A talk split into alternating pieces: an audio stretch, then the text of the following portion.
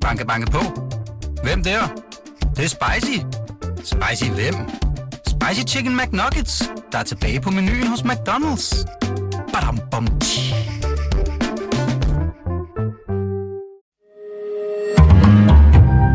Berlingske.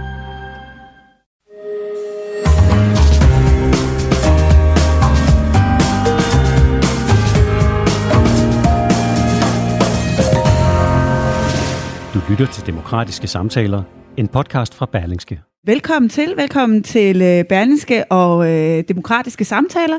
Jeg hedder Mette Østergaard, og jeg er chefredaktør her på Berlingske, og har fornøjelsen af at byde velkommen til dig, Pernille rosenkrantz teil Tak for det. børne- og øh, uddannelses Undervisning. undervisningsminister, undskyld. Det det er skifter jo- lidt alt efter, det hvilken regering det er. øjeblik. Ja, præcis. Øh, vi har inviteret det her til en demokratisk samtale, så vi skal selvfølgelig tale om, hvordan den har det, og så skal vi øh, tale om, øh, om, hvad der sker på dine områder. Øhm, og øh, mens vi øh, gør det de første øh, tre kvarters tid, så håber jeg, at I måske lige vil øh, notere nogle spørgsmål, noget derude, så til sidst så tager vi, øh, hvis I har nogle ting, som I gerne vil spørge ministeren om, så, øh, så noter endelig det undervejs. Øhm, men først vil jeg gerne starte med at tale om den demokratiske samtale. Det er jo sådan set derfor, vi er her. Øhm, og, øh, og statsministeren har jo øh, flere gange sådan givet udtryk for, at hun synes, der er nogle problemer omkring den demokratiske samtale. Hvordan synes du, det står til med den? Uh, jeg synes, der er så mange forskellige varianter af det, fordi altså, nu har jeg lige været afsted hele dagen i dag øh, i Eskilstrup og andre steder øh, nede i Guldborgsund Kommune, øh, hvor at vi har haft øh, helt ufattelig gode, netop demokratiske samtaler i forhold til, hvordan skal vi indrette folkeskolen i fremtiden, øh, og fået sindssygt meget godt input, øh, og det har ikke været den her karakter, hvor vi starter med at snakke 45 minutter heroppe, og, og så, er der et er kvarter i til, men bagefter. den omvendte Yes. vej rundt, ikke? Øh, og det har været, det har været, altså jeg synes, man bliver helt høj, vil jeg gerne sige, sådan når man går derfra, så er ens hoved fuldstændig fyldt med indtryk og input, og ting, som er blevet taget ned, som her kunne der være nogle ting, vi kunne gøre rigtig meget bedre, og alt muligt andet. Og det vil sige, på mange stræk, synes jeg, den demokratiske samtale, altså i det meste af min hverdag som politiker, oplever jeg, at den demokratiske samtale er utrolig god. Øh, det, det er jo ligesom den ene mm. del af det. Hvis det vi så taler om, det er, hvordan går den demokratiske samtale, eksempelvis sammen med Berlingske Tidene, Mm. øh, så er det jo en lidt anden, et lidt andet hjørne af den debat om, hvordan det går med den demokratiske samtale. Og jeg må simpelthen med skam erkende, da jeg sad og skulle forberede det her, så prøvede jeg at sidde og gribe efter op i mit hoved, hvornår... Jeg har jo gratis adgang til alle aviser, skal det siges. Så jeg har dem i, i sådan en digital version. Det var på øh, Mogens Lykketoft, der fik det indført som formand for Folketinget, og det har alle folketingsmedlemmer.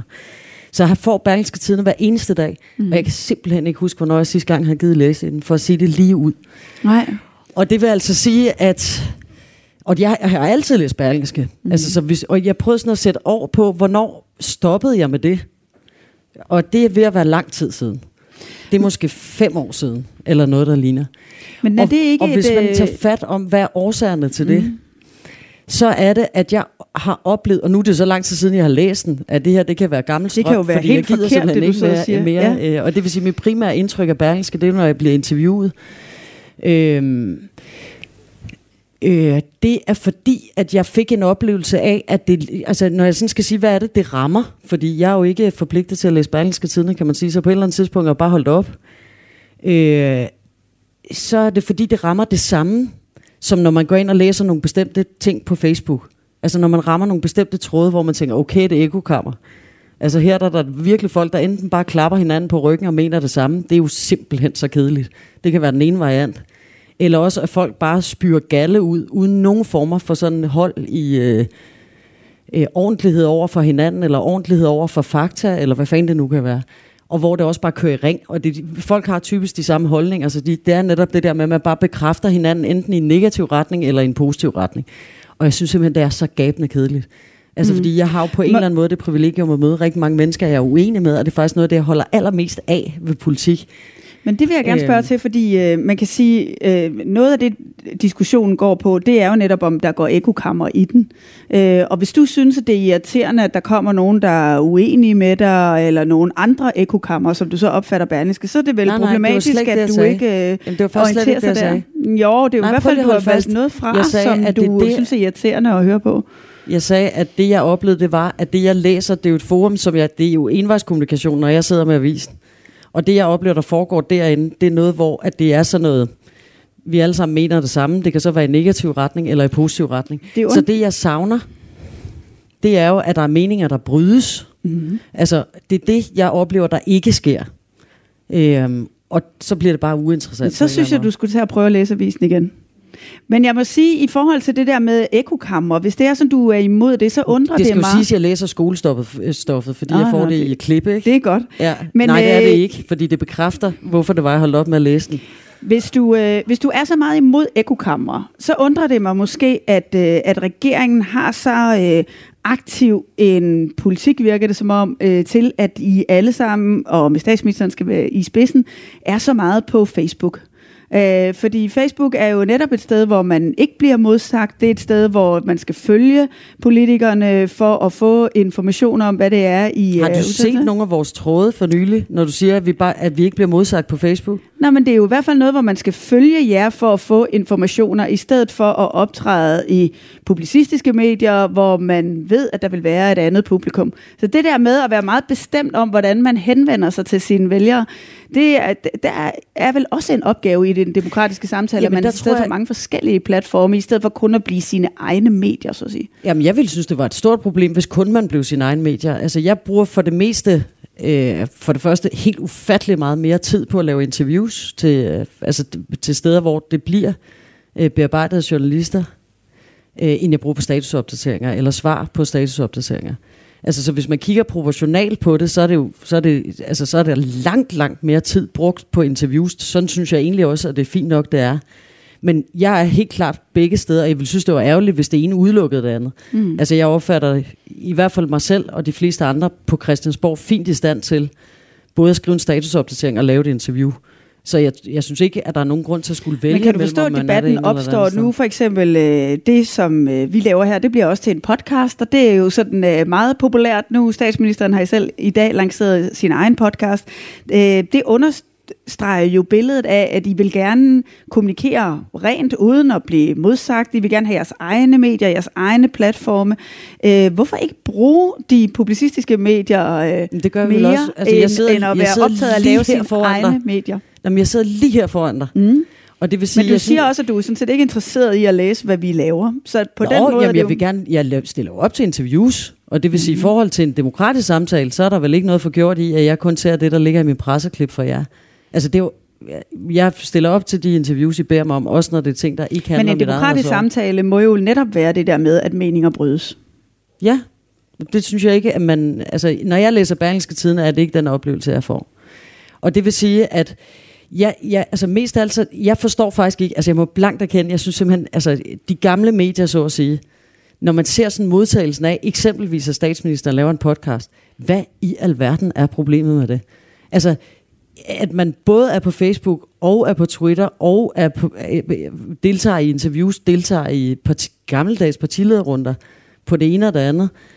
Øh, altså for mig at se, så virker det som om de gamle medier øh, ikke kan lide, at der findes noget som helst andet, end der, hvor at de gamle medier faciliterer det. Og for mig er det simpelthen bare ikke et modsætningsforhold. Jeg har jo været på Christiansborg, både inden de, de nye medier kom, og efter de nye medier er kommet. Mm. Og det er jo to totalt forskellige ting. Og jeg har ikke en oplevelse af, at det, at der er kommet nye medier til, øh, har den betydning, at der er nogen, der holder... Jeg tror ikke, jeg kender en eneste politiker, der holdt op med at give interviews, for eksempel. Og det vil sige, Nej, at, men at det er noget sværere at få fat i jer efterhånden. Jo, Vi men der er oplever også i mange meget flere høj grad, at det er skriftlige svar, eller det er Jo, og- ministeriet og noget af det handler- og jo, sådan ikke. Det, og det, det er blevet rigtigt. klart sværere at få interview med jer, end det var for måske fem år siden. Ja, og jeg tror endnu værre, end hvis du går til... Altså, jeg startede politik på en måde, hvor at jeg på daglig basis skulle snakke med medier for 20 år siden nu, ikke? Og det var så inden de nye medier kom til. Men, og jo også forstået på den måde, at det var, at dengang, hvis man lavede, typisk holdt man jo pressemøde, så havde man ligesom snakket med pressen. Så kunne man lave noget bilateralt i kanten af et pressemøde, så var det det. Hvor, øh, når man skal tale med DR, dengang, når man skulle tale med DR, så talte man med DR, punktum, en journalist, et interview, færdig. Hvis man skal tale med DR i dag, så skal man tale med 28 forskellige journalister, fordi de sidder og skriver på hver deres platform. Så det undrer ikke, hvis og- 20 procent. Og derfor så er der jo, og derfor så er der jo et eller andet i det. Nå, men det samme gælder jo sådan set de fleste andre. Altså skal der skrives noget til øh, Berlingske.dk, som skal på nu, og så skal der laves et eller andet til... Altså, til, til, til Sådan fungerer det ikke helt mere, men det er jo Jamen, godt, at men, vi men, kan Men det, der er min pointe med det, det er bare, at hvis man har en oplevelse af, at man ikke bliver dækket ind på samme måde som dengang, så er det simpelthen også, fordi mængden er blevet helt ekstremt stor. Mm. Altså det samme jo med TV2-fladerne, og hvad har vi derude? Der er så vanvittigt mange medier, og heldigvis jo på en eller anden måde for det, men det betyder så også, at man oftere end før, hvis man skal dække TV2-fladen, så vil der være oftere, at jeg i dag sender et skriftligt citat, end jeg ville have gjort dengang, fordi dengang ville jeg kun skulle have snakket med 15 forskellige, så havde dækket hele pressen. Ikke? Og der skal jeg jo nu snakke med 200 forskellige. Men taler du med de pressen. 15? Ja, selvfølgelig gør det det. Altså i al den udstrækning. Jeg, jeg har ikke en oplevelse af, at jeg bruger mindre tid på medier nu, end jeg gjorde øh, for, for 20 år siden. Okay, lad os prøve at øh, bevæge os lidt ned i, øh, i dit område. Ja. Øhm, Fordi jeg så- havde, jeg, jo- jeg, havde faktisk et øh, eksempel fra det. Men det På hvad? På, på blanding af de to ting fra mit område, og så til det med, med den demokratiske samtale. Det er jeg sikker på, at vi demokratiske samtale kører igennem det hele, Okay. så jeg er sikker på, at du Så tager kan vi få det mulighed der. for at, det var at bare komme med det. os for meget videre. Øhm, fordi så vil jeg jo prøve at stille nogle spørgsmål til, til øh, emner på dit område, øh, sådan her over for mit ekokammer, og så kan du svare, og så kan det være, at vi kan blive en lille smule klogere. Øh, vi havde også besøg her i mandags af Kåre Dybvad, øh, og, og vi talte lidt om øh, det, som øh, jeg kaldte det socialdemokratiske designsamfund, altså der, hvor man blandt andet vil øh, bestemme noget om, hvor folk skal gå i gymnasiet. Øhm, og øh, han kunne jo ikke øh, opdatere os fuldstændig på den aktuelle situation, men det kan du jo heldigvis. I vil jo gerne lave en, øh, en aftale om, at gymnasieelever øh, blandt andet skal placeres ud fra, hvad deres øh, forældre tjener. Øh, og, øh, og det troede jo så, egentlig, I havde en aftale omkring. Nu vil de radikale gerne åbne aftalen. Dansk Folkeparti øh, ved ikke helt, om de vil være med. Så hvad sker der nu med den aftale? Jamen først og fremmest, lad os lige, nu laver vi lige overgang alligevel fra en demokratiske samtale øh, til det andet, ikke? Fordi det er et vanvittigt godt eksempel på lige præcis det der med ekokammerne, og det jeg savner, hvis man vil sige det på den måde, for jeg savner jo faktisk den gamle måde, aviserne fungerede på, ikke? Og savner, at jeg godt kunne lide at læse Berlingske Tidene, selvom jeg for det meste var, al- jeg har jo altid været uenig med lederne, men jeg, kunne faktisk, jeg har altid godt kunne lide at læse Berlingske, så jeg savner det jo på en eller anden måde. Så nu, for, nu siger jeg lige, altså lige præcis elevfordelingen er faktisk et rigtig godt eksempel på det, jeg savner, fordi dengang de borgerlige indførte frit skolevalg på folkeskoleområdet, øh, der var det det begreb, de blå brugte om det, og det var det, der blev indført, og det var det, man skrev i Berlingske Tiden. ikke?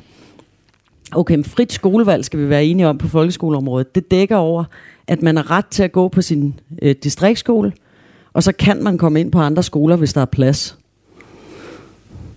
Okay. Øh, og det vil sige, at der taler vi altså om, at langt de fleste elever går på den skole, folkeskole, øh, altså som er distriktsskolen. Og rigtig mange elever, særligt i Københavnsområdet og i de andre store byer, hvor der er høje klassekvotienter, der er der jo ikke plads på de andre skoler. Og det vil sige, der har man fint nok et frit skolevalg, men man bliver tvunget til, der kommer tvang jo så ind, hvis man skulle følge den måde, I beskriver elevfordelingen på nu, så bliver man jo som forældre tvunget til, at ens børn går på distriktsskolen. Og det vil sige, men det kalder man frit skolevalg. Når man så beskæftiger sig med elevfordelingen nu, så kalder man det, at man har mulighed for at søge ind på alle gymnasier i hele Danmark, uanset hvor man bor, må man søge ind alle steder. Men man har ikke ret til at komme ind nogen af stederne. Altså fuldstændig det samme. Men du Kalder anerkender man- ikke, at der er man- forskel på, om forældrene tager en, en vurdering Jamen, af, hvor deres pointen- børn skal gå, gøre- og at I så tager en fordelingsnøgle om, hvor folk skal gå Hvis på du nu lige lader mig gøre pointen færdig. Det der er pointen, det er, at vi har at gøre med to systemer, hvor begge systemer, der kan man søge frit, men er ikke sikker på optag. Så på forholdet mellem tvang og frihed, der ligger de to ting på, på, på samme sted, kan man sige. Hvor at i det, i, den, i det ene scenarie, der lagde politikerne skabe en myte om frit skolevalg. Det lyder rigtig flot, men. Og i det andet, der, der er det det omvendte, at der, der kalder I det tvangsfordeling af eleverne. Øh, og begge dele kan jo ikke være rummet samtidig. Enten er det frit, eller også er det ikke frit, når mekanismerne ligner hinanden. Og derfor så, det som jeg egentlig bare ærger mig over i det, det er, at der hvor jeg synes, journalisten så har en rolle at spille, det er jo at præsentere både øh, den blå, altså både når den blå siger noget, kalder det noget pænt, og når den blå kalder det noget, der ikke er så pænt. Så synes jeg jo, at journalistens mellemkomst er at sige, ah ven, altså det er vel ikke decideret frit skolevalg. i den ene situation, og i den anden situation siger, ah, det er vel ikke sådan decideret tvang. Altså fordi begge dele er at trække det for skarpt op.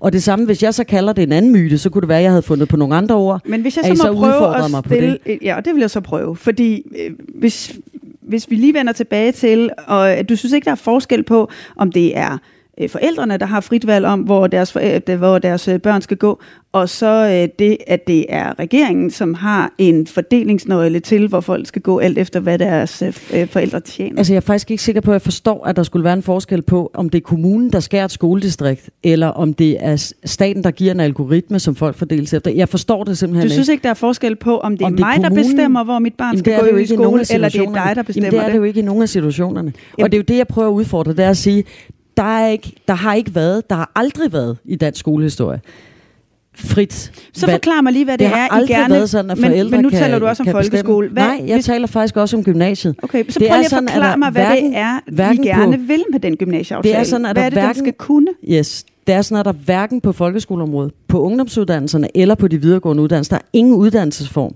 af de tre, hvor at der på noget tidspunkt har været sådan, at hverken forældre eller nogen selv har kunnet beslutte, hvor de gerne vil gå. Der, der har altid været adgangsbegrænsninger, Okay. og så har man grebet forskelligt an. Hvis det nu var hvad det er, tilfældet, hvad er det så, I gerne vil ændre? Det vi rigtig gerne vil ændre på, det er, at i dag, der er det sådan, at den måde, man har valgt at fordele på, vi gik jo fra amterne over til, at man fik selvejende øh, skoler øh, for nogle år tilbage, og det, der så er sket siden da, det er, at gymnasierne er blevet pivskæve. Og det vil sige, man har valgt en ny fordelingsform af elever. Før det, der var der amterne, der sad. Altså, da jeg søgte ind i sin tid, der ansøgte man til amtet, så sagde man, jeg vil, så skulle man give tre prioriteringer i Vestjyllands Amt, hvor jeg øh, gerne ville gå. Og så var der i omegnen af 90% sandsynlighed for, at man kom ind på sin første prioritering. Og det var amtet, der sad med alle ansøgninger og lagde dem i bunker, for at se, hvor man kom hen. Det er jo så skiftet over til, at det er afstanden til gymnasiet. Altså hvis det er overansigt, så er der afstanden til gymnasiet, der afgør, at man kommer ind. Eleverne er begyndt at søge på en måde i hovedstadsområdet. Men du hvor- spurgte jeg til, hvad I gerne vil med det. Det, der, jeg, skal det nok er, komme, der jeg skal er... nok komme derhen. Det, der så er sket, nå, men det er jo fordi, man bliver nødt til at forstå, hvad det er for en kontekst, vi kommer ind i. Fordi det, der så er sket, det er, at gymnasierne er blevet pivhammerne skæve. Og det vil sige, efter man skiftede fra amterne til den nye version, der, der skete der simpelthen det, at man gik fra at have nogle nogenlunde ligeligt fordelt gymnasier. Ikke 100% ligeligt fordelt, Lige men forstået, nogenlunde. hvordan. Lige forstået som øh, social baggrund, etnisk baggrund osv. osv. Det, i, faktisk også nogle steder gik man op i... Øh, hvad Og kan er man det sige, om- fagligheden, om, I gerne vil hæve, eller hvad er formålet? Formålet er, at uddannelsessystemet set med vores briller er jo også det, der fremgår af formålsparagraferne for diverse uddannelsesområder. Der, det er, at man både skal lære noget fagligt, når man går i skole, øh, regne, skrive, fysik, kemi, børret, men at uddannelsessystemet også har et andet ben, som handler om, at man får en, en almen dannelse, en dannelse som samfundsborger. Og det, som er udfordringen, hvis man går i skole i ekokammer, apropos den tidligere diskussion, altså at man primært møder nogen, der ligner en selv, det er, at man ikke får udvidet sin horisont, ikke får en fornemmelse af, hvad er egentlig øh, også spændviden i vores samfund. Så det der med kun at støde på nogen, øh, som ligner en selv, øh, er en dårlig idé simpelthen. Fordi det betyder, at man ikke kan give den dannelse, man kan ikke øh, få udvidet horisonten på samme måde, som hvis man går sammen med hinanden.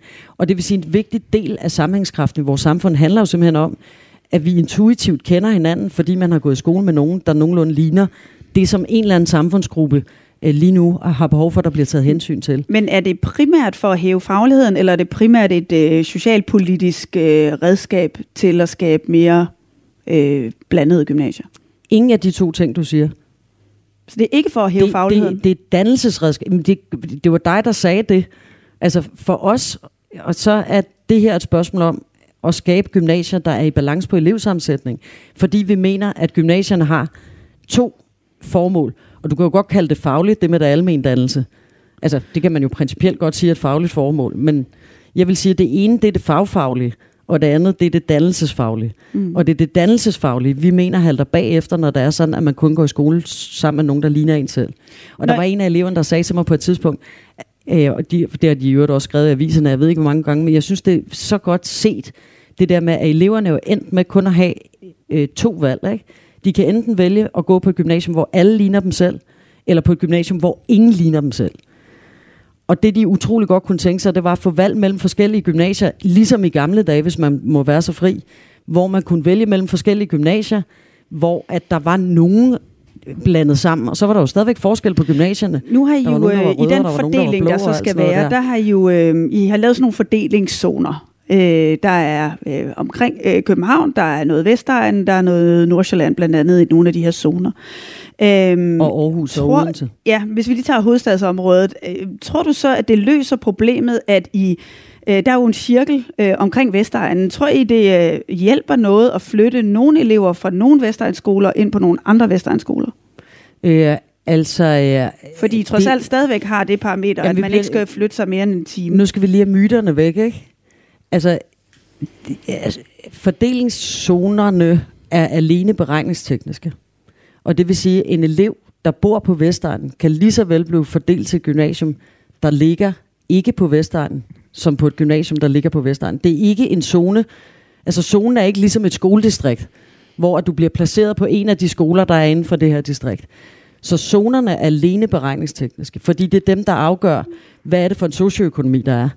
Altså, så, så fordelingszonen, det er det Men område. I har trods alt stadig det øh, H, eller krav jo, at man ikke skal flytte sig mere end en time. Det vil sige, at man er jo nogenlunde i det geografiske område, man er i alligevel. Nej, fordi i hovedstaden, altså hvis du flytter dig en time i hovedstaden, så er du eddermame langt i den ene eller den anden retning. Så du kunne Så der er ikke, du, der er forestille ikke, dig, at der var elever fra, fra, fra Vestegns kommuner for eksempel, som skulle gå på gymnasiet i Nordsjællandske kommuner. Ja, altså det væsentlige er jo, at de ikke må komme mere end en time væk. Det er den samme grænse som i dag. Det er jo meget få, der ikke får deres første, første prioritering, skal vi lige slå fast først. Men de få, og sådan Mm. har det været i alle modeller. Men af dem, der ikke får deres første prioritering, og dem, der, hvad kan man sige, ryger på den måde ud og skal placeres et sted, de ikke selv har bedt om, øh, der, er- Nu kan der, jeg er det, forstå, der er det det- afstand i transporttid. Og, altså, og der er København jo, altså jeg tror det er halvdelen af, kø, af dem, der bor i hovedstadsområdet, de har mere end 10 gymnasier inden for 10 km afstand af, hvor de bor. Altså bare for at sige, at, at det er jo, altså de ligger jo simpelthen som perler på en snor. Og det vil sige, at det der, hvis man bor i, i et landområde, hvis ikke man får det nærmeste, så kan der jo simpelthen være 50 km til det næstnærmeste. Altså der, der ligger de jo en, enormt tæt. Og så er der nogle steder, hvor at det, altså der er en problematik, når man kommer ud i kanterne af fordelingszonerne. Altså det er Greve for eksempel, men det er faktisk også, hvis man tager den hele vejen rundt om fordelingszonerne. Så der, hvor man ligger yderst, der er der jo længere mellem gymnasierne. Og derfor gør det mere afs der, end det gør andre steder. Når jeg nu øh, er lidt interesseret i fagligheden også, du siger, der er ligesom to parametre, men det er det, vi sådan klassisk vil kalde øh, faglighed. Øhm, så er det også fordi, jeg har kigget sådan lidt på, på tallene i forhold til, hvordan I gerne vil fordele øh, nogle af eleverne. Øh, på Vestegnen for eksempel, der skal Høje Tostrup afgive elever fra lavindkomstfamilier, og Greve og Rødovre, de skal have flere elever fra lavindkomstfamilier. Øh, Høje Tostrup er i top 10 når det handler om løfteevne. Altså det vil sige, at de er gode til at, at løfte eleverne i forhold til deres øh, socioøkonomiske baggrund, øhm, og deres eksamenskarakter er i snit 0,3 procent højere end undervisningsministeriet forventer på baggrund af deres socioøkonomiske baggrund. Greve og Rødovre, hvor der så er nogen fra Høje Tostrup, der skal flytte over, de har en negativ løfteevne, øh, ifølge dit eget ministerium. Hvorfor skal man flytte elever fra gymnasier, som er bedre til at løfte dem fagligt, til gymnasier, som er dårligere til det? Jamen, på en eller anden måde, Fra så, de, så, netop de lavindkomstfamilier, som I er interesseret i, skal flytte sig et andet sted hen. jeg har ikke nogen særlig interesse i, at der er elever fra lavindkomstfamilier, der skal flytte sig. Og jeg synes egentlig også, det har været ret tydeligt i debatten, at der er en hel del fra højindkomstfamilier, der skal flytte sig. De er i hvert fald meget højlytte i debatten. Så bare for at sige, at det, der er hele intentionen med det her, det er jo, at vi flytter os så få klik, vi overhovedet kan slippe afsted med, hvor vi alligevel får en elevsammensætning, som er mere bred. Men så Og siger du jo- også, at elevsammensætning Jamen, lad- lad- faktisk er mere væsentligt, at, at folk bliver løftet fagligt i forhold til Overhovedet ikke. Jeg vil faglighed. da ønske, at både Rødovre og andre gymnasier kommer højere op Men i hvorfor vil du løfteevnen. flytte folk fra et område, som egentlig fungerer, over til noget, som ikke fungerer? Jamen, det er fordi, at øh, hvis du tager hele debatten, vi eksempelvis har haft omkring de muslimske friskoler, som er meget parallel, så er jeg blevet stillet et lignende spørgsmål rigtig mange gange. Der, der er en friskole her med næsten 100% børn med anden etnisk baggrund end dansk, øh, og gennemsnittet er tårnhøjt. Altså, så de har rigtig gode faglige præstationer. Så er der alle mulige skoler, hvor det ikke er sådan, men der er nogle enkelte, hvor det er på den måde. Og så spørger folk jo typisk, hvorfor er det så, at du har et ønske om, at de skal gå på den nærliggende folkeskole, eller skal have en bedre sammenblanding af elever på den pågældende skole, når nu det er, at fagligheden er så god. Og det er jo simpelthen fordi, at min opfattelse er det, at skal man leve op til formålsparagraferne for vores øh, uddannelsessystem, så skal man både kunne noget fagfagligt, men også noget almindeligt dannende. Og hvis man kun går sammen med folk, der ligner en selv, hvad enten man tilhører det ene, det andet eller det tredje samfundslag, så mister man en af de væsentligste, altså det ene af de to ben, der er i vores uddannelsessystem. Og for dermed ikke det med sig, der gør, at man kan begå sig i vores samfund bagefter. Og derfor så kan man sige, hvis man rent kigger på det fagfaglige, så vil der jo være masser af gode argumenter for, at man så bare beholdt alle de der pivskæve skoler. Gør der endelig det. Men hvis det vi gerne vil, det er at klæde de unge mennesker på til at kunne begå sig i det samfund, de skal være en del af, og det arbejdsmarked, de skal ud på, jamen så er det begge de to faktorer, der er væsentlige i deres uddannelse. Og det kan de simpelthen ikke levere godt nok på, hvis elevsammensætningen er for skæv. Jeg bliver lidt nysgerrig på, hvordan du definerer dannelse. Jeg definerer dannelse som det fundament, vi som mennesker står på, ret bredt. Altså i gamle dage, der sagde man, øh, der vidste vi alle sammen, når man, ja, det ved man stadigvæk, men der sagde man, at nogen kommer fra en eller anden, hun kommer fra et hjem med, øh, med klaver, og så vidste vi alle sammen, at der var tale om en, der kom fra det bedre borgerskab. Hvorfor sagde vi det? Øhm, jamen det sagde vi, fordi at det har været en del af sådan et klassisk dannelsesbegreb, at, det, at man skulle kunne rigtig meget mere, faktisk, end det man kunne lære i skolen. Og det vil sige, hvis man sådan tager hvad der er lavet af, særligt i den angelsaksiske tradition af bøger om, hvordan man danner sig som gentleman, så skal man for eksempel også kunne håndtere et jagtgevær. Så nak og æd ville blive helt misundelig, ikke?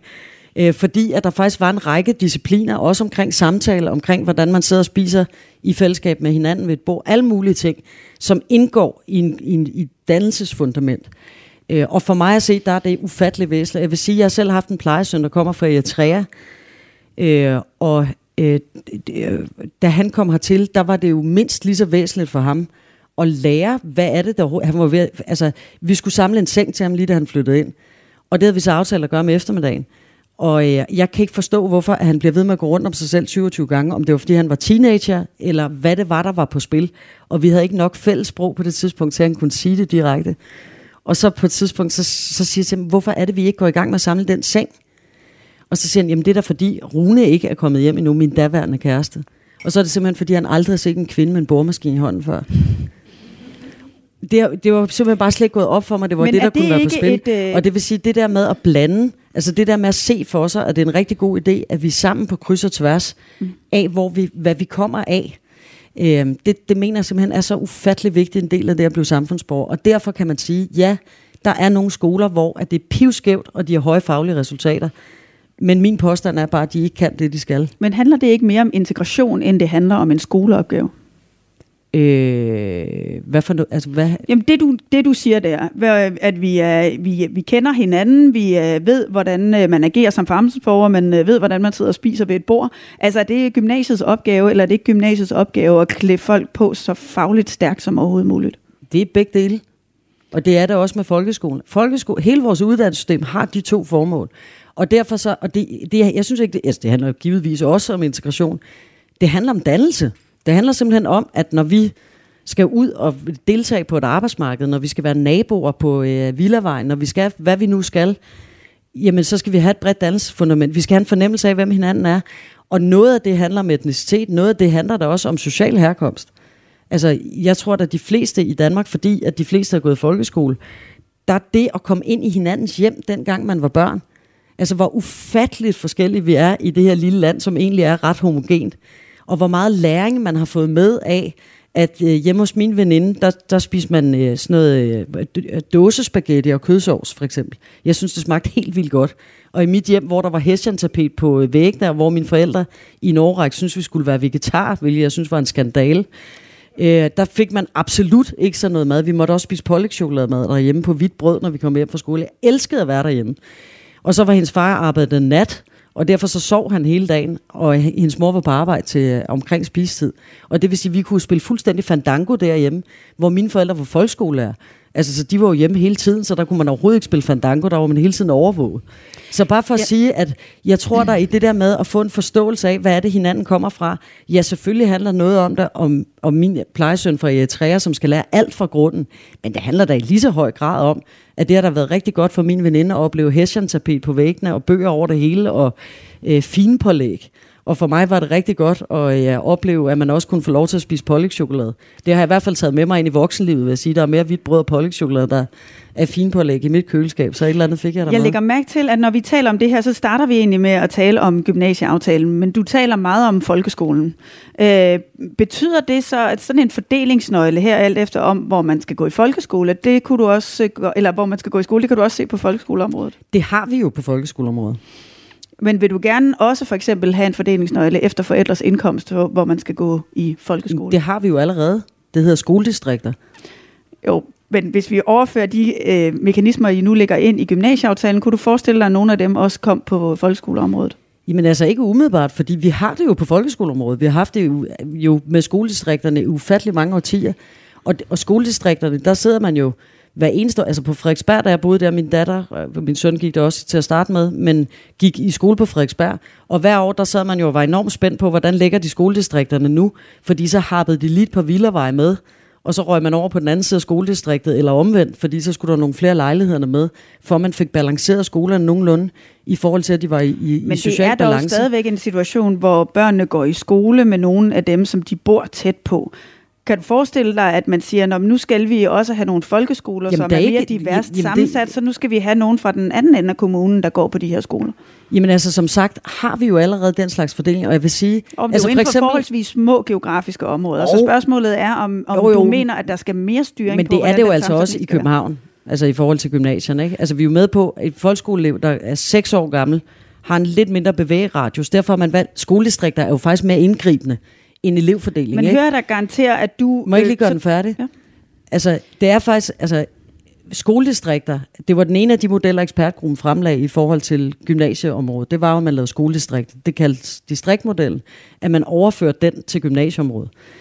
Og, øh, og jeg vil sige det sådan, at så afskaffer man jo bare, altså der er jo meget mere frit valg i elevfordelingsmodel, end der er i skoledistrikterne. Fordi der er du ikke defineret til, altså hvis du har lyst til at gå på Rysensten, så er det ikke sådan, at du ligesom på folkeskoleområdet, kun har ret til pladsen på. Du har faktisk ret til at blive prøvet op mod de andre, der gerne vil gå på Rysensten. Det har man ikke, når der er skoledistrikter. Der er dem, der bor i distrikter, og dem, der har retten. Hvis der så er noget til overs, kan du få smuglerne fra deres bord. Men med elevfordelingsmekanismen, der er det jo sådan, at alle kan søge lige ind på de forskellige skoler. Og det vil sige, distriktsmodellen, og det vil sige skoledistrikter, er langt mere begrænsende i forhold til ens frie valg, end elevfordelingsmekanismen er. Og derfor vil jeg sige, at når du spørger, kunne I så forestille jer at gøre det samme på folkeskolen? Så spørger du egentlig, om vi kunne forestille os at stille det meget mere frit, sådan så at et barn, der går i det her skoledistrikt, får lige ret til at søge ind på den her skole herover, som den elev, der bor herover, fordi det er det, der er Men i Pernille, der er jo forskel på, om det er en geografi, der er parametret, eller det er et indkomst, der er parametret. Jamen det er jo det samme, kommunerne sidder med. Og det er jo der, hvor det også bliver absurd noget af det, I siger. Fordi når de sidder inde på Frederiksberg Kommune og lægger skoledistrikter, så der, hvor jeg boede for eksempel. Men her der vil du kunne Lad mig lige gøre den hvis færdig. det er en hvis fordeling- du nu lader mig gøre den færdig, jo, men så det, men er det sådan, at vi, for eksempel på Frederiksberg, der det, de sidder og gør, det er, her der ligger de rigtig dyre villaer, hvor vi er tocifrede, så lå der de villalejligheder, som jeg boede i, som var midt imellem, og så lå der alment herover. Og det, de så sidder og vurderer på, når de lægger skoledistriktet det ene år efter det andet, det er, hvor mange unger skal der indskrives for de tre områder. Og så flytter de det en vej, hvis der er for mange fra de dyre villaer i den overgang på den ene skole. Og der risikerer man jo så at ryge hen på en skole, der er længere væk. Og det vil sige, Altså, det er jo et bluffnummer at sige, at det ikke er sådan i forvejen, at forældreindtægt betyder noget på folkeskoleområdet. Det betyder da helt vildt meget. Det er præcis det, de sidder og fordeler ud fra i kommunerne, og har gjort alt den tid, der var skoledistrikt. Det er derfor, skoledistrikterne findes simpelthen. Det er for at skabe balancerede skoler. Øh, og ja, så bare for at sige, jeg synes faktisk, det bliver lidt absurd, hvis vi sådan får det til at lyde som om, at folkeskoleområdet, i der er der frit skolevalg, bare fordi I hoppede på det spin, der var, da de blå indførte det i sin Ej, men det er vel ikke øh, bare spændende at sige, at ja, hvis jeg bor i en opgang, og øh, jeg bor til venstre, og, øh, jeg har, og der bor nogen til højre. Øh, jeg har en indkomst, de har en anden, så er det ikke geografien, der skal afgøre det, så er det, hvad forældrene tjener, der vil komme til at afgøre, hvad for en skole vores Det er da børn skal fuldstændig gå det samme med dem, der bor i Stjernen, lige over på den anden side af gaden fra, hvor jeg boede, Jo, på men- Frederiksberg, på den anden side af Dronning Olgers vej. Det vil sige, at vi taler om på samme vej. Der er dem, der boede herovre, boede almennyttigt. Og så kan vi da godt kalde det noget andet. Men- okay. men de ville jo ikke Men have råd til at købe min sige, lejlighed, I og jeg ville ikke bo derovre. ikke vil indføre Altså- de samme mekanismer som gymnasierne på folkeskoleområdet. om vi vil stille det mere frit i folkeskolen end i dag. Jeg spørger, om vi vil indføre de samme mekanismer. Ja, og så spørger jeg, som det, der er det reelle spørgsmål, vil vi stille det lige så frit på folkeskoleområdet, så en elev får samme ret til at komme ind på en nabokommunes skole, som det barn, der bor i den kommune? Nej, fordi for små børn, der er det ufatteligt vigtigt, at man er meget tæt på sin skole. Og det er mindre vigtigt, når man er 15-16 år gammel. Det kan vi også se af søgemønstrene. Op mod halvdelen af dem, der går på Herlev Gymnasium, kommer fra helt andre dele af København end Herlev, og har søgt derud, fordi at de ønsker at flytte på sig for at komme til at gå et sted, hvor de kan gå sammen med nogle andre, der ligner sig selv. Og det vil sige, hvis, og derfor bliver præmissen i det spørgsmål helt vildt vigtigt. Fordi det, der vil ske, hvis vi indførte elevfordeling på folkeskoleområdet, det er, at man ikke længere vil kunne være sikker på, at ens barn øh, kan gå der, hvor at barnet selv kan transportere sig hen, så at sige. Mm. Hvor på gymnasieområdet, der er rækkevidden trods alt noget større, når man er 15-16 år gammel. Din øh, kollega Jens Jol har jo luftet tanken om, om man skulle faktisk indføre nogle af de samme mekanismer, som vi nu ser i gymnasieaftalen. Øhm, og det, nu ved jeg godt, du ikke læser Berlingske, men det fik i hvert fald skole- og, og forældresformand Rasmus Edelberg til at sige, at øh, et citat fra ham, jeg tænker, at forældre i årtier har taget det frie skolevalg for givet, men det er svært, når der bliver sat så store spørgsmålstegn ved det øh, fra det nuværende regeringsparti.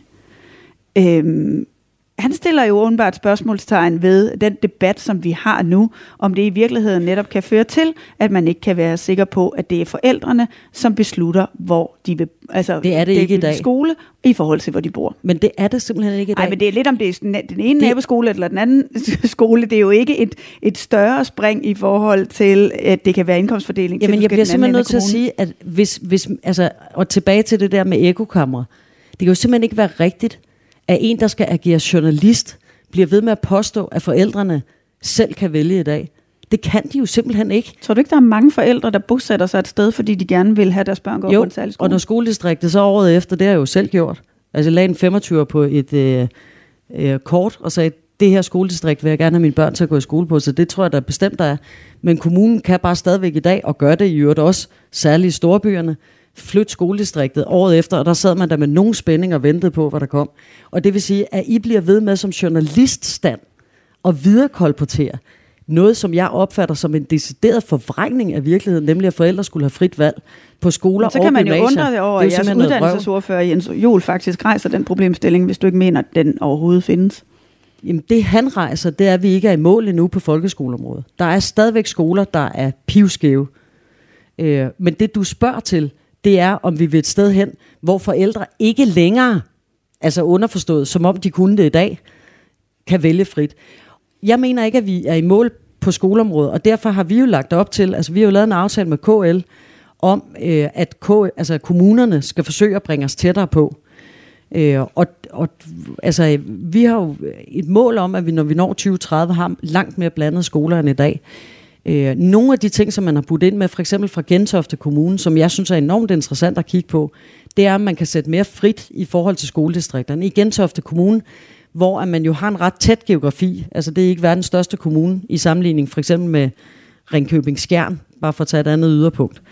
Øh, og noget af det, som øh, Gentofte Kommune godt kunne tænke sig, det er at få lov til at lave et helt skoledistrikt. Fordi deres vurdering er, at skolerne ligger så tæt, øh, at de vil få en masse ud af, at man kunne gøre det på den måde. Øh, Odense Kommune har bedt om, at man kunne lave skoledistrikter, som ikke er umiddelbart geografisk sammenhængende. Øh, det må man ikke i dag. Altså det er simpelthen ulovligt i dag. Og det vil sige, at kommunerne har bedt om nogle forskellige redskaber til, hvordan de kan gøre det her bedre. Øh, og, øh, og altså, jeg vil sige, at det Gentofte har gjort, det er jo et forsøg, der er blevet sat i værk, og det bliver jo ikke gjort uden en eller anden tanke for, øh, om, om det skal være muligt. Og når det er sagt, så vil jeg sige, hvis det så var Ringkøbing Skjern, der gjorde det, at børn lige pludselig skulle transporteres meget langt, så ville jeg synes, man gik over grænsen. Og derfor så er der, nu, der nogle øh, overvejelser, man skal gøre i den sammenhæng. Hvis man nu som forældre øh, helt vil øh, undgå at risikere at blive en del af den diskussion og skoledistrikter og hvordan det flytter sig, så kan man jo vælge at gå på en privatskole. Ja, hvis de optager en, fordi der er man jo heller ikke frit optaget. Øhm, Tror du, at der er flere, der vil vælge privatskoler, når der nu bliver sådan en usikkerhed omkring, øh, hvordan en fordeling på folkeskoler fremadrettet skal være? Øh, en, en nej, altså fordi at danske forældre er utrolig vant til, at man har skoledistrikter. Vil du gerne have, at der var færre, der valgte privatskolen? Ja, det vil jeg absolut gerne. Hvorfor? Jamen det er fordi, altså jeg ved ikke, hvor den rigtige procentsats ligger, om den ligger på 8% eller 10% eller 12% eller hvor den ligger henne. Øhm, men jeg synes, der er nogle steder råd en balance. Jeg synes, der er råd en balance i nogle landområder, hvor at nogle mennesker har fået taget deres folkeskole fra sig, som de har været enormt glade for, som det bankende hjerte i et lokalsamfund. Øh, og det synes jeg er gået for vidt. Øhm, og der har man så oprettet friskoler i stedet for, og det ville jeg også gøre, hvis jeg var forældre i de pågældende øh, landområder. Øh, så det, har, det, det ville jeg simpelthen decideret selv have taget aktiv del i, er helt overbevist om, hvis jeg boede de steder. Fordi skolen er så afgørende for, at man har en fælles ramme. Der ville jeg jo ønske, at det var folkeskoler, der lå. Altså, fordi det er jo stadigvæk trods alt sådan, at man betaler for at gå på friskoler, og der er en mulighed for at sortere i eleverne, hvor jeg hellere ville have, at man havde skoler, hvor man ikke sorterede i, i eleverne, og hvor at man fra kommunens, altså var en del af et kommunalt skolevæsen. Men og, hvad... og så den anden ting, jeg vil sige om det, det er, at jeg er ret ærgerlig over, at nu har jeg jo så som sagt stadigvæk det ene af mine børn gående på en folkeskole på Frederiksberg. Jeg tror, de sidste tal, jeg så på det, der er det 40 procent af akademikerbørnene på Frederiksberg, der går på privatskole. Det synes jeg, der er sindssygt ærgerligt. Altså, øh, det synes jeg simpelthen, det er. Og, der, og så sker der også det, og det synes jeg næsten er endnu mere ærgerligt, vil jeg sige, fordi en ting er dem, der slet ikke startede, men så sker der det, at når man så når 6. klasse, så ryger halvdelen til sale. Jeg har ikke noget principielt imod sale, men jeg er godt nok ærgerlig over, at det skal bryde op i hverdagen for alle de andre børn, der bliver tilbage.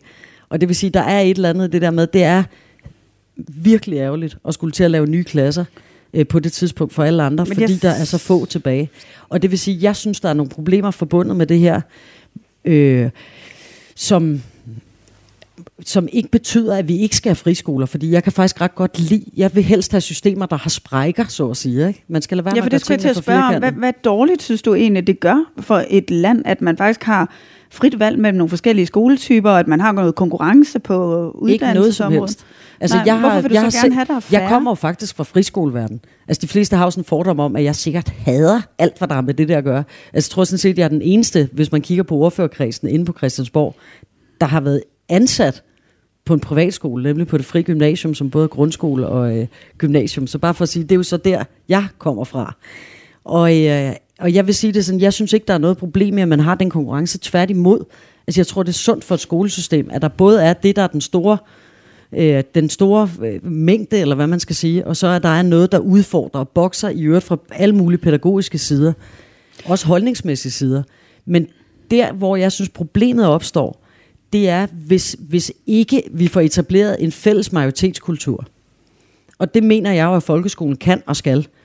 Øh, og derfor er der et eller andet, og, og det er derfor, jeg siger, jeg ved ikke, hvor balancen ligger. Mm. Jeg synes, det er for meget, når vi kommer op på 20 procent. Der kan jeg godt mærke, at jeg synes, det gør afs i maven. At der ja, fordi synes, du jeg, har jo også, i hvert fald tidligere i regeringsperioden, haft et ønske om at, øh, at sænke koblingsprocenten, som det hedder, og så øge forældrebetalingen øh, på private skoler og Jamen, det er jo simpelthen, fordi jeg synes, det bliver overbetalt i dag. Det har ikke noget at gøre med, om jeg synes, hvor mange af dem, der skal de være. De får kun omkring 75 procent af ja. folkeskoler gør. Og løfter, Hvorfor er det en overbetaling? Jamen, det er simpelthen, fordi de løfter en langt mindre opgave. Altså, de har jo ikke en forpligtelse til eksempelvis at tage inklusionsbørn, bare for at komme med sådan et helt konkret eksempel.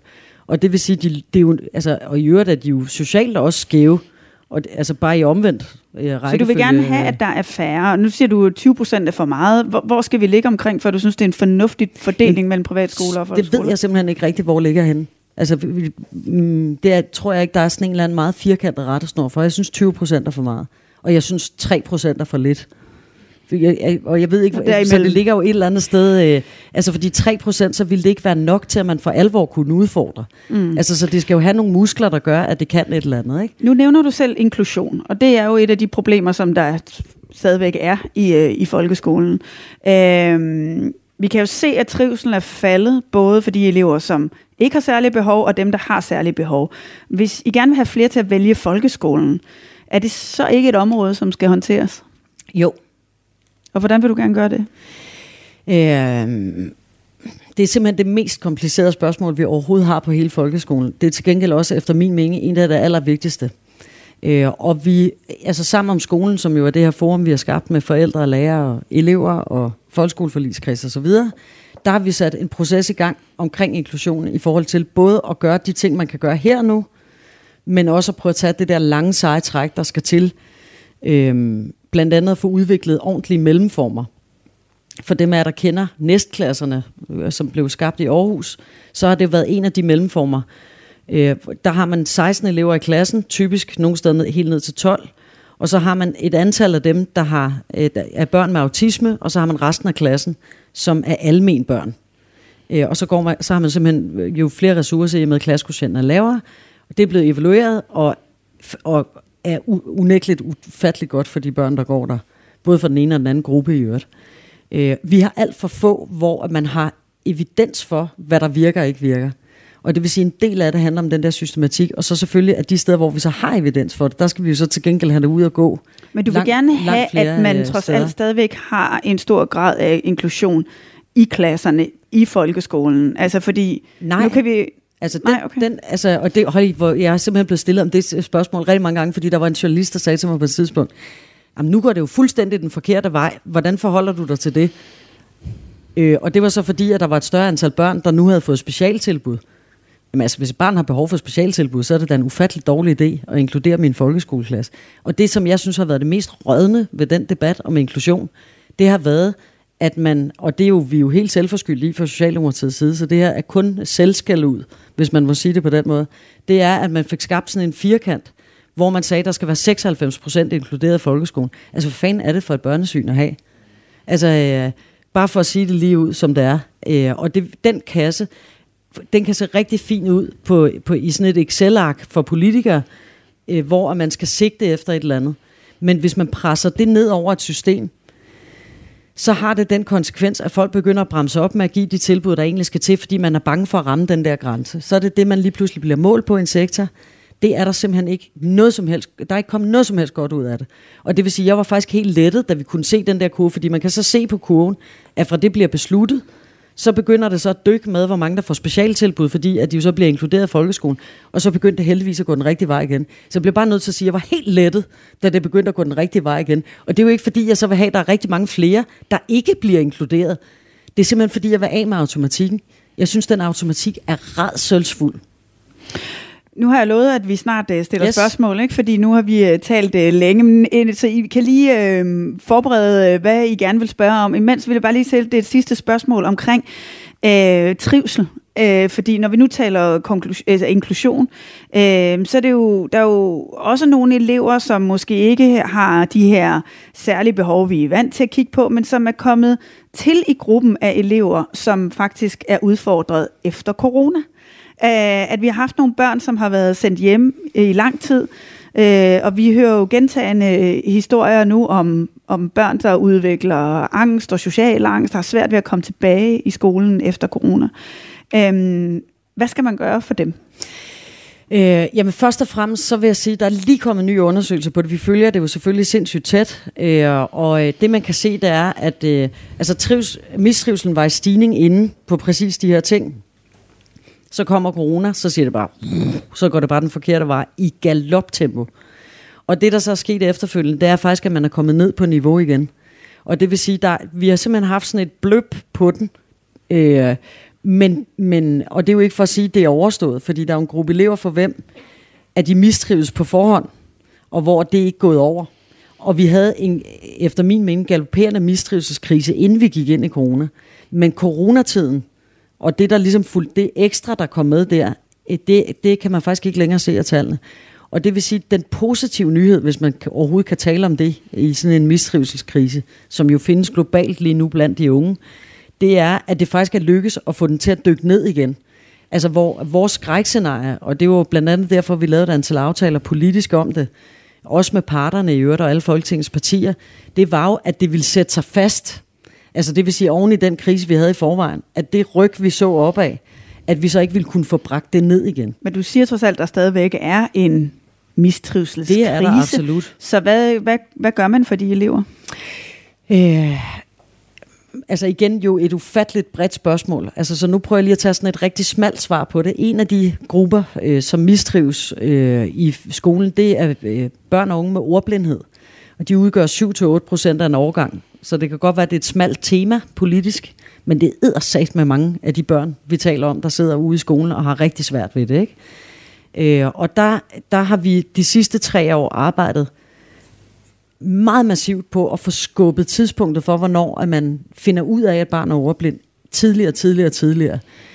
Og nu er vi faktisk der, hvor når vi når anden klasse, så er de fleste ordblinde, altså syv ud af otte ordblinde, er blevet fanget på det tidspunkt. Øh, og det vil sige, noget af det, der skal til, er simpelthen, at vi sørger for at få identificeret de problemer, eleverne har langt tidligere. Herunder ordblindhed, fordi det er klart, at hvis vi kigger på mistrivsel, så fylder 7-8 procent af en overgang rigtig meget, hvis det er sådan, at vi fra start af ved, at den her gruppe, øh, der fungerer det ikke. Og det har vi fået tal på fra VIVE nu her, hvor de har lavet en stor inklusionsundersøgelse, og som viser, at det er der, der er det største hop i, hvor mange der faktisk får den støtte og hjælp, der skal til. Og det synes jeg jo giver sådan en idé om, at hvis vi nu tager emnerne et for et, som er det, der er strategien i sammen om skolen, så lykkes, så kan man faktisk også på ret kort, tre år kort tid i skolepolitik, så kan man på ret kort tid få flyttet ret meget på en dagsorden. Og et af de steder, jeg har et ønske om, som skal være et af de næste ryg, vi tager, og som vi har spillet ud med fra regeringens side, det er, at vi skal have specialundervisning tilbage som linjefag på seminaret. Mm. Og ikke kun for dem, der tager uddannelsen nu, men også når de lærere, der er uddannet, kan tage det som et ekstra øh, linjefag. Fordi noget af det, der har forandret sig i skolen, det er, hvis man går 25-30 år tilbage, så var der på hver eneste lærerværelse et antal, der havde special på linje, på alle lærerværelser, fordi at special på linje netop var special på linje, og derfor var der en del af lærerne, der havde taget det. Det betød jo, at hvis man som dansklærer havde en problematik omkring barn med ADHD i klassen, så skulle man ikke til igennem en eller anden visitationsproces i kommunen, eller skulle ringe ind og låne nogle ressourcer, der måske måske ikke er til stede, så kunne man i frikvarteret gå ned og snakke med den lærer på lærerværelse, eller de 15 lærere på lærerværelse, som havde special på linje. De kunne komme med deres bud på, hvordan det skulle gribes an. Efter næste time kunne man gøre det samme igen. Det vil sige, at muligheden for at gribe fat om nogen, der faktisk havde specialviden, var kæmpestor. De var ikke så gode til at udnytte det, som jeg gerne ville have haft, men de var tilgængelige. Hvor i dag der er vi blevet meget bedre til teamsamarbejde og til den form for sparring. Til gengæld så findes der ikke længere speciallærer, i samme, altså for eksempel fordi man fjernede det fra seminarierne. Og det vil sige, det at have rigelige mængder af specialkræfter til stede, særligt efter teamstrukturen omkring klasselokalerne er opstået, øh, vil betyde, at man kunne det igen, de steder, hvor man faktisk kunne finde ud af at bruge det på den måde. Ja, så bare for at sige, at jeg synes, der er sådan nogle, nogle ting af lavt hængende frugter, andre ting, der er vi oppe på den virkelig store øh, hvad hedder det, strukturelle klinge. Men selvfølgelig skal de specialkræfter være til stede i folkeskolen. Og du kan se, der er begyndt at blive øh, markeret, der er lige her øh, midt i. Hvis vi starter der, så tager vi lige nogle spørgsmål. Ja, du får lige en øh, mikrofon, og hvis du lige ser, hvad du hedder, så... Øh... Sådan. Kan I høre det? Ja, det tror jeg godt, I kan. Hej Pernille, jeg hedder Ingolf, jeg kommer fra Greve. Jeg har haft et langt og vidunderligt arbejdsliv i folkeskolen i Greve, og kan kun bekræfte, det er primært vejledningssektoren. Jeg kan kun bekræfte det, du har sagt, at vi har aldrig haft, og vi har ikke et frit skolevalg, hverken på folkeskoleniveau eller gymnasieniveau. Og det, som slår mig, det er, hvorfor er du ikke mere åben om det? Fordi det er første gang, jeg hører dig sige sådan. Altså, det er jo noget, jeg burde læse, også i Berlingeren, som jeg læser dagligt og så videre. Og det, det er fint nok, ikke? Det er den ene ting, altså åbenhed omkring det. Vi har ikke et frit skolevalg. Mm. Og vi skal heller ikke have det, fordi ellers går det op i hat og briller. Og så får vi pludselig amerikanske tilstande, og det er der ingen af os, der ønsker, vel? Og det behøver man ikke at være socialdemokrat for at mene overhovedet. Den anden ting, det, du, I kom ind på det her til sidst, men det, det er for lidt. Inklusionen. Jeg har en datter, jeg har lovet at spørge dig, hvornår melder du ud, at den har i virkeligheden slået fejl og ikke nået de mål, som Antorini satte op og nærmest punkede os til at mene var det bedste, der overhovedet kunne overgå den danske folkeskole. Mm. Det kan jeg jo ikke være uenig i, i princippet. Men virkeligheden er en anden. Hvornår erkender I det? Og respekterer, at der skal være specialtilbud nok til de børn og unge, der har behov for det. Det handler nemlig om noget helt andet. Det handler om respekt for hinanden. Og det synes jeg, energi og ressourcer skulle bruges til. Mm. Det er at undersøge, hvordan fanden skaber vi den respekt, mm. der skal til at gøre, sådan at vi alle kan profitere af det. Mm. Så erkendelser, hvornår? Jamen altså, det har jeg jo gjort, kan man sige. Det er, det er ikke en nyhed, at jeg bringer det her, når jeg siger til Mette, at øh, firkantetheden er forkert. Altså det er også derfor, der ikke blev skriblet. Jeg kan love dig for, hvis det var første gang, regeringen havde meldt det ud, så ville det blive skrevet ned på bloggen som noget, der skulle bringes i morgendagens avis. Det er jo ikke det samme, som man også har hørt det i alle afkrog.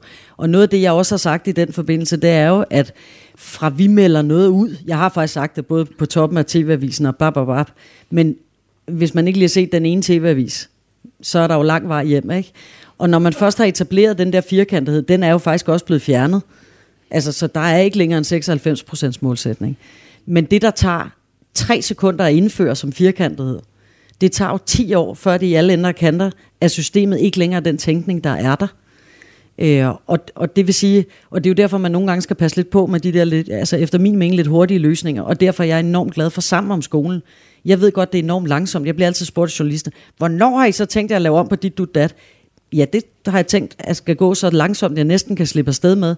Fordi ellers så har vi jo ikke involveret forældre og lærere og elever osv. Og, så videre. og så er det, at vi igen kommer til at lave sådan nogle fra Christiansborg, hvor vi kommer med et eller andet, der lyder enormt godt. 96 procent skal være inkluderet. Øh, bum. Og så har vi fikset det problem. Ikke? Øhm, og sådan mener jeg simpelthen ikke, man kan drive skolepolitik. Så jeg har meldt det ud. Det var derfor, der ikke kom en forside på Berlingske Tidene i morgen om det, når jeg sad og sagde det her. Øhm, og så i forhold til det der med frit skolevalg. Jeg har jo sådan en oplevelse af, at have sagt det og have sagt det og have sagt det, at der ikke findes frit skolevalg i dag. Måske tusind gange, de sidste, altså bare inden for de sidste tre uger for eksempel, hvor debatten om elevfordeling har kørt sådan, som den gør. Øhm, og jeg kan jo sagtens høre, at det, der har slået igennem, det er, at folk har en oplevelse af, at der lige pludselig bliver indført tvang fordi forældre i al evighed i Danmark har fået lov til selv at vælge, hvad for nogle øh, gymnasier øh, deres unge skulle gå på. Og det passer jo simpelthen ikke. Men øh, og en, øh, ja, jeg kan jo så heldigvis sige, at nu er jeg jo i den alder, hvor mine børn når dertil, at de skal i gymnasiet. Det samme, og derfor så er min vennekreds nogenlunde på samme alder, og skal have børn, der skal i gymnasiet. Alle, der har prøvet at vælge gymnasium inden for overskuelig fortid eller fremtid, ved jo godt, at det ikke passer. Vi har altså, et øh, spørgsmål mere Heldigvis herovre. for det der. Jeg hedder Niels Gemmelke. Goddag. Øh, spørgsmål til Pernille. Øh, først og fremmest stor tak for den demokratiske samtale, du har skabt øh, på folkeskolens område. Det er helt fantastisk. Det er faktisk rørende at opleve.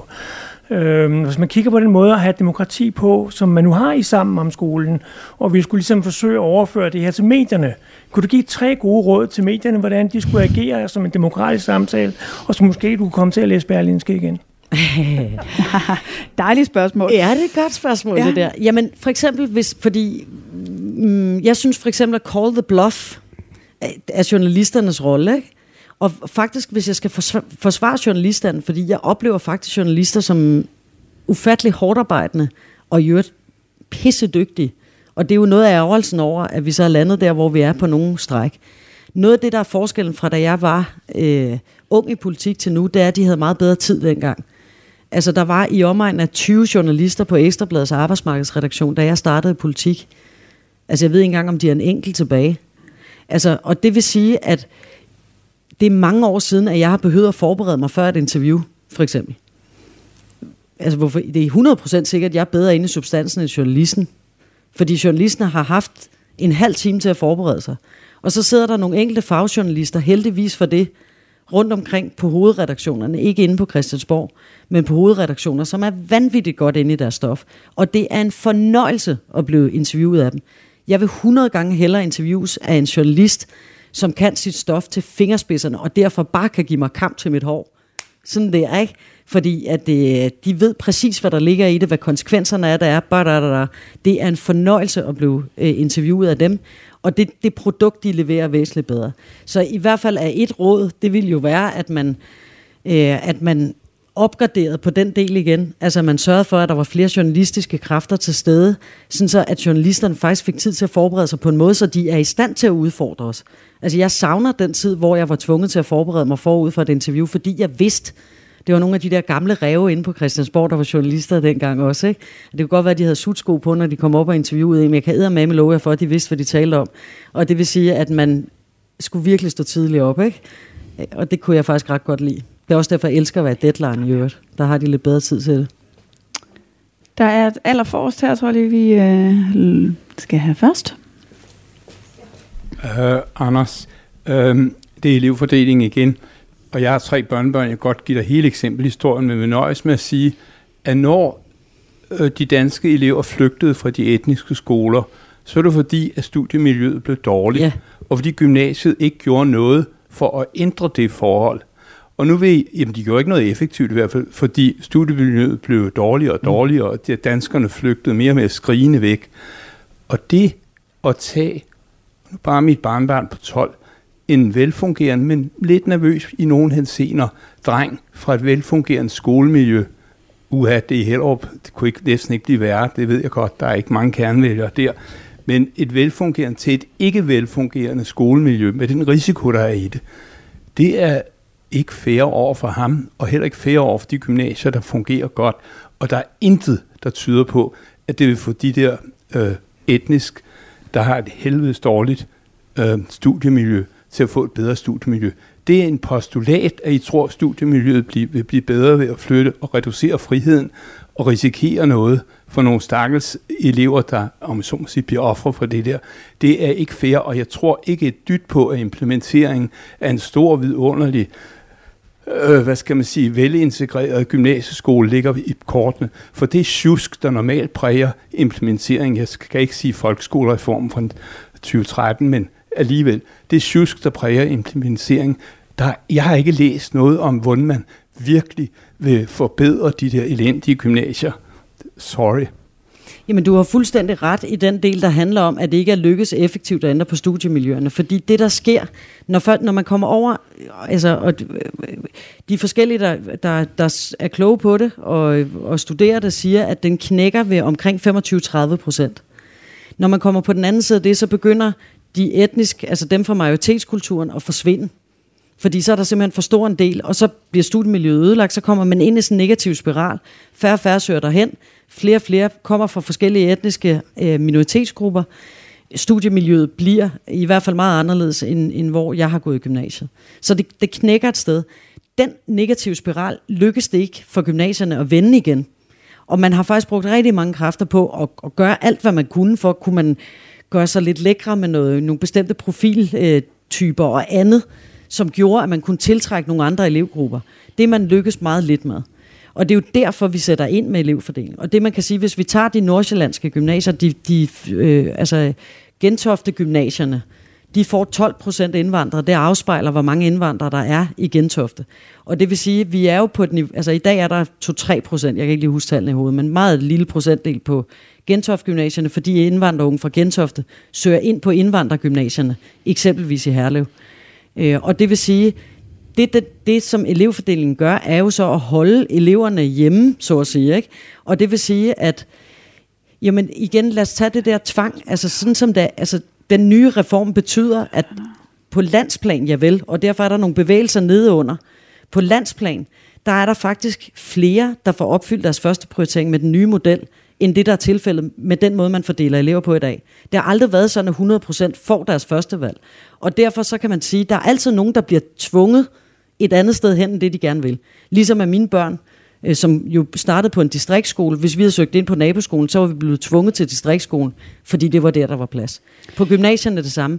Og det, der er en af mine pointe med det, det er bare at sige, at det er rigtigt, det du siger omkring, at det, der sker, for eksempel igen, så lige, altså nord for København, og der er også nogle af dem syd for København, hvor der er en større andel end i dag, der ikke får deres første prioritering.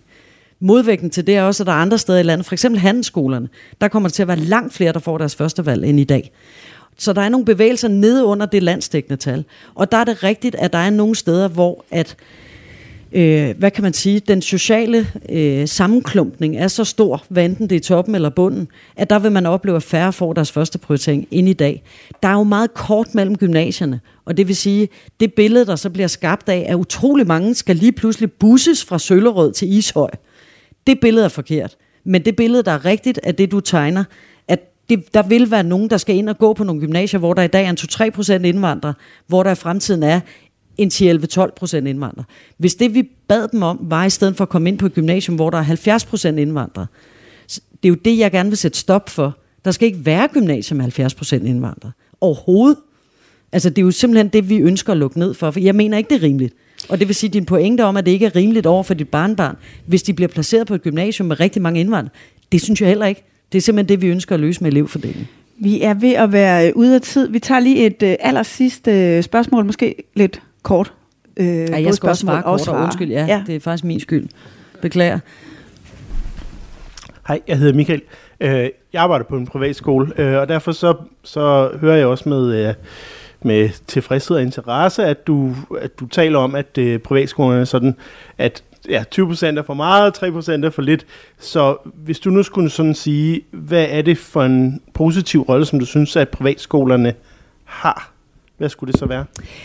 Øhm, jeg tror faktisk, det jeg næsten synes er det vigtigste, fordi den spiller jo mange forskellige roller. Altså, fordi hvis det er en friskole i et lille lokalområde, så spiller den jo samme rolle, som en folkeskole i det givende lokalområde ville spille.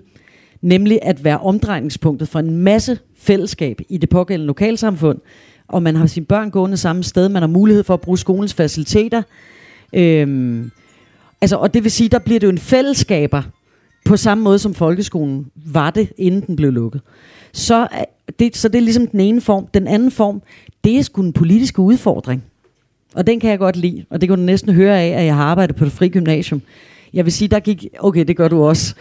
Jeg vil så sige, der gik så efter min bedste overbevisning lige, jeg var ved at få fnat af skolemøderne, vil jeg så sige, så der gik lige lovlig meget øh, skolemøde i den. Øh, jeg, der kan jeg lidt bedre lide repræsentativ demokrati, end det der basisdemokrati, det må jeg blankt erkende. Så der synes jeg, man gik over en kant, hvor jeg i hvert fald ikke helt kan være med. Men jeg kan godt lide, så ved jeg da det. Altså, jeg lærte da utrolig meget af at være der, og, øh, og om, hvor er snitfladerne i forhold til, hvordan man bruger demokrati. Jeg synes, det var mega spændende at prøve, og så skulle jeg heller ikke være der mere. Men den politiske udfordring, der ligger ind i et skolesystem af, at vi har og kan rumme og have skoler, som er meget konservative, og skoler, som er meget røde, og som fra hver deres udgangspunkt udfordrer øh, folkeskolen, øh, hvor som jo ikke kan tillade sig at være hverken så meget det ene eller det andet, men faktisk skal kunne rumme alle børn. Det kan jeg bare enormt godt lide. Fordi det er jo også der, man får dyrket nogle bestemte pædagogiske øh, varianter, øh, nogle bestemte dannelsesbegreber, som kan være med, altså apropos det der med at komme fra et hjem med klaver, øh, det er ikke det, der er mest af på det frie gymnasium, men der har man dog musikundervisning på en anden måde alligevel. Ikke? Og det vil sige, at det borgerlige dannelsesbegreb har jo alligevel givet et spil over til resten af samfundet, på en måde, som man nok ikke havde tænkt oprindeligt. Så vi befrugter jo hinanden, efter min mening på en utrolig positiv måde. Og det gør man også, hvis man lader nogen egentlig få lov til bare at køre ud af en tangent, og så kan det så befrugte flertallet, som så kan befrugte tilbage. Altså det, det mener jeg simpelthen er sundt i et samfund. Vi bliver nødt til at øh, runde af her, men øh, tusind tak for øh, spørgsmål. Tusind tak, fordi I øh, kom, og, øh, og tusind tak til dig, Pernille. Tusind fordi du tak ville for komme her til samtale. samtale, også selvom det var med Berlingske.